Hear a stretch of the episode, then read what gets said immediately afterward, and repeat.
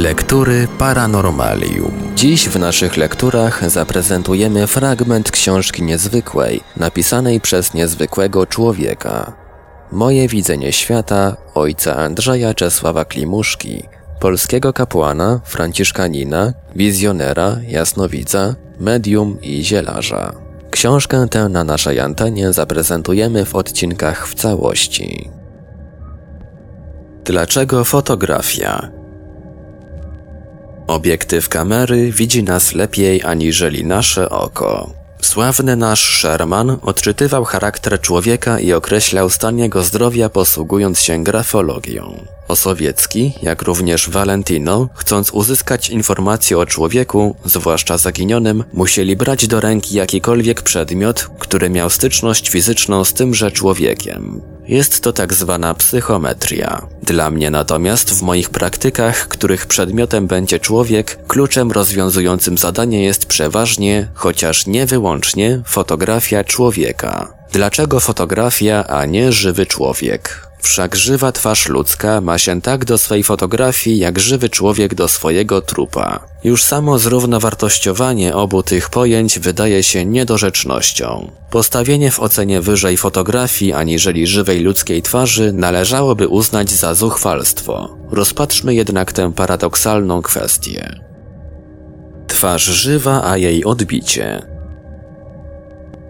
Przyjmując nawet przypuszczenie, że dla pewnych jednostek obdarzonych zdolnością parapsychiczną fotografia może być kodem do nawiązania jakiegoś kontaktu z człowiekiem zagubionym w świecie, trudno uwierzyć, aby z niej dało się łatwiej odczytać stan psychofizyczny człowieka, aniżeli z jego żywej twarzy. Wszak doświadczony lekarz trafnie postawi diagnozę z żywej twarzy chorego. Wnikliwy psycholog łatwiej zdoła odczytać z niej charakter i historię przeżyć człowieka, aniżeli z martwej papierowej odbitki. Twarz ludzka to najpiękniejsze arcydzieło w całej ożywionej przyrodzie. To przepotężna encyklopedia, z której malarz, rzeźbiarz, antropolog, filozof, psycholog, lekarz, moralista, pedagog, słowem każdy coś dla siebie wyczyta. W ludzkiej twarzy stykają się duch i materia. W niej się koncentrują wszystkie przejawy psychiczne i fizjologiczne. O twarzy ludzkiej można pisać ogromne tomy rozpraw, bo każda z nich jest inna, niepowtarzalna, pełna indywidualności. Najcenniejszą atoli perłą i ozdobą oblicza ludzkiego jest oko.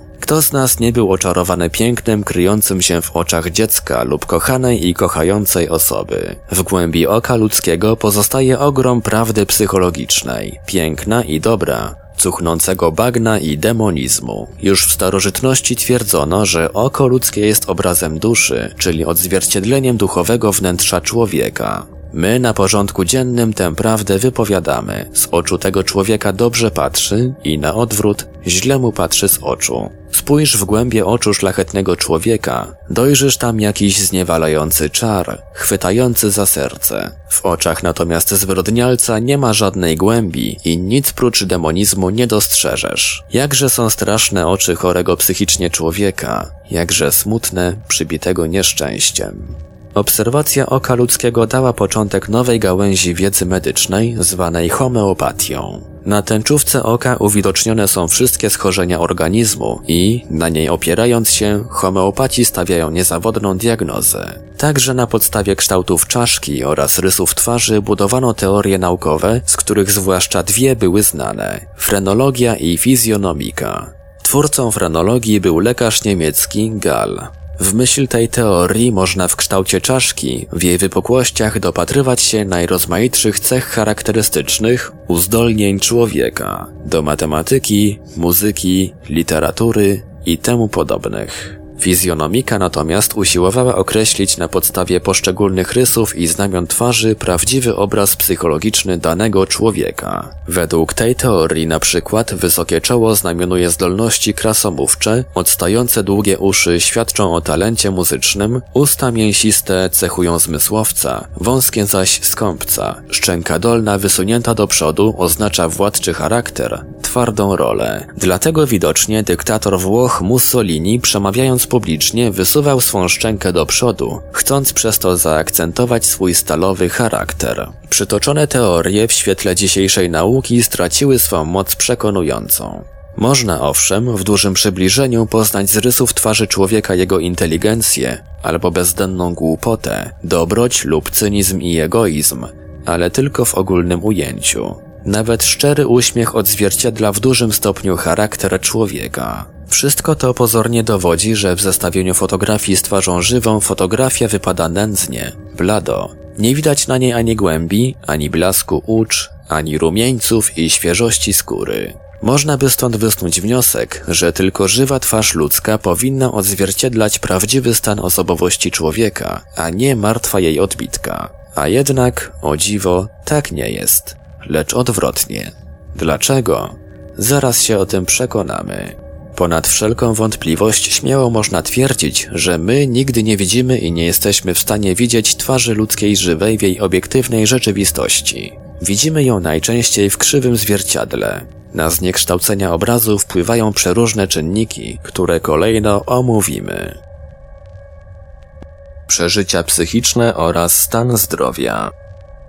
Ten sam człowiek będzie miał inny wygląd, gdy wygra na loterii milion, a inny, kiedy straci najdroższą osobę lub całe swoje mienie. Inaczej człowiek będzie wyglądać będąc zdrowym, inaczej zaś, gdy zaatakuje go jakaś choroba. Nawet zwykłe zmęczenie, niewyspanie, mała niedyspozycja zmieniają w jednym dniu, a nawet w jednej godzinie całą twarz człowieka i jego postawę. Stąd logiczny wniosek. Człowieka obserwujemy tylko fragmentarycznie, w małych odcinkach. Chwytamy z jego codziennego życia poszczególne małe scenki, jak na ekranie długiego filmu, niepowiązane ze sobą w całość. Na takich małych fragmentach nie można budować oceny właściwej o danym człowieku. Nawet uczesanie włosów, pudry, pomadki, strój zmieniają za każdym razem wygląd kobiety, a mężczyznę zmienia nieogolona twarz i nieostrzyżone włosy na głowie. Także światło sztuczne odmładza twarz ludzką,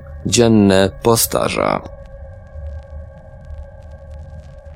Czynniki emocjonalne na zniekształcenie obiektywnego obrazu twarzy ludzkiej wpływają czynniki subiektywne i emocjonalne. Zakochany widzi w swej ukochanej wybrance niezrównany ideał piękna. Jej twarz jest najpiękniejsza, jedyna na świecie, jej charakter anielski. Kiedy jednak inna kobieta zaczyna powoli wdzierać się w jego serce, poprzedni ideał zacznie szybko blednąć i pryśnie jak bańka mydlana. Osobnik będzie mocno zdziwiony, że dotąd nie zauważył jej brzydoty. Pensjonarka patrzy na pierwszego wybrańca swego serca jak na wcielone bóstwo, ale po niedługim czasie to uwielbiane bóstwo straci swe piękne cechy, gdy tylko na drodze jej życia stanie inny młodzian i oczaruje ją. Dla każdej matki jej własne dziecko będzie zawsze najpiękniejsze i gdyby nawet w rzeczywistości było brzydkie, to i tak dla niej pozostanie i piękniejsze, i mądrzejsze od dziecka sąsiadki. My zresztą patrzymy wszyscy na siebie wzajemnie przez pryzmat emocjonalny. Ten człowiek jest dla nas miły i sympatyczny, którego darzymy przyjaźnią, zaufaniem. W momencie zaś, gdy ten sam człowiek stanie się naszym wrogiem, wzbudzać będzie w nas i odrazę.